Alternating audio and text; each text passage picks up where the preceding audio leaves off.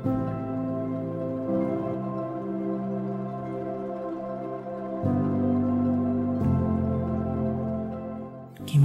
keadaannya sekarang?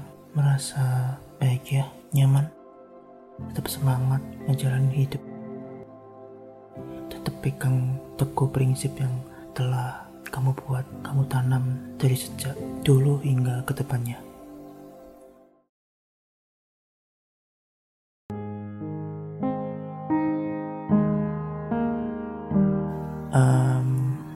Sedikit cerita ya mengenai saya gimana caranya bisa bertahan di dalam kesepian yang dirasa melanda kehidupan saya sehari-hari sebagai anak rantau.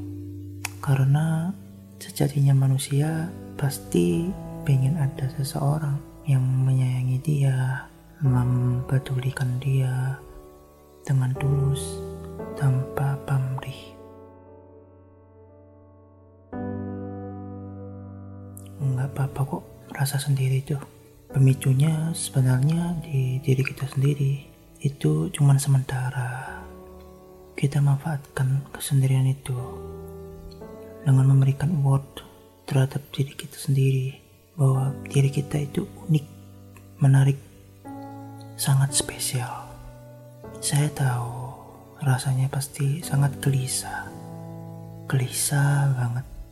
Apalagi sebagai anak rantau yang punya keluarga di luar kota, bahkan ada yang di luar provinsi. Pastinya yang selalu merindukan dan menanti kita untuk sukses dan berhasil.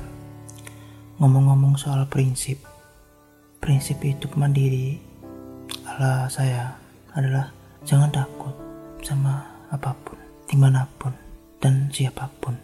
Kalau dengan kesendirian membuat kita merasa nyaman dan bisa melakukan apa yang kita mau lakukan, kenapa harus ada orang lain?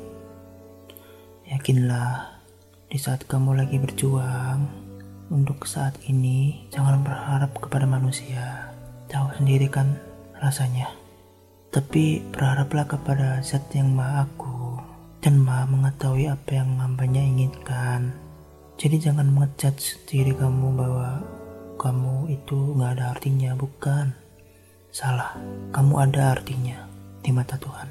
Lebih baik itu. Gak ada yang lebih baik daripada itu. Tentunya itu sendiri menjadi sebuah safe reminder buat saya bahwa saya selalu percaya kok, selalu dijaga, selalu dilindungi oleh Tuhanku. Allah Subhanahu wa taala.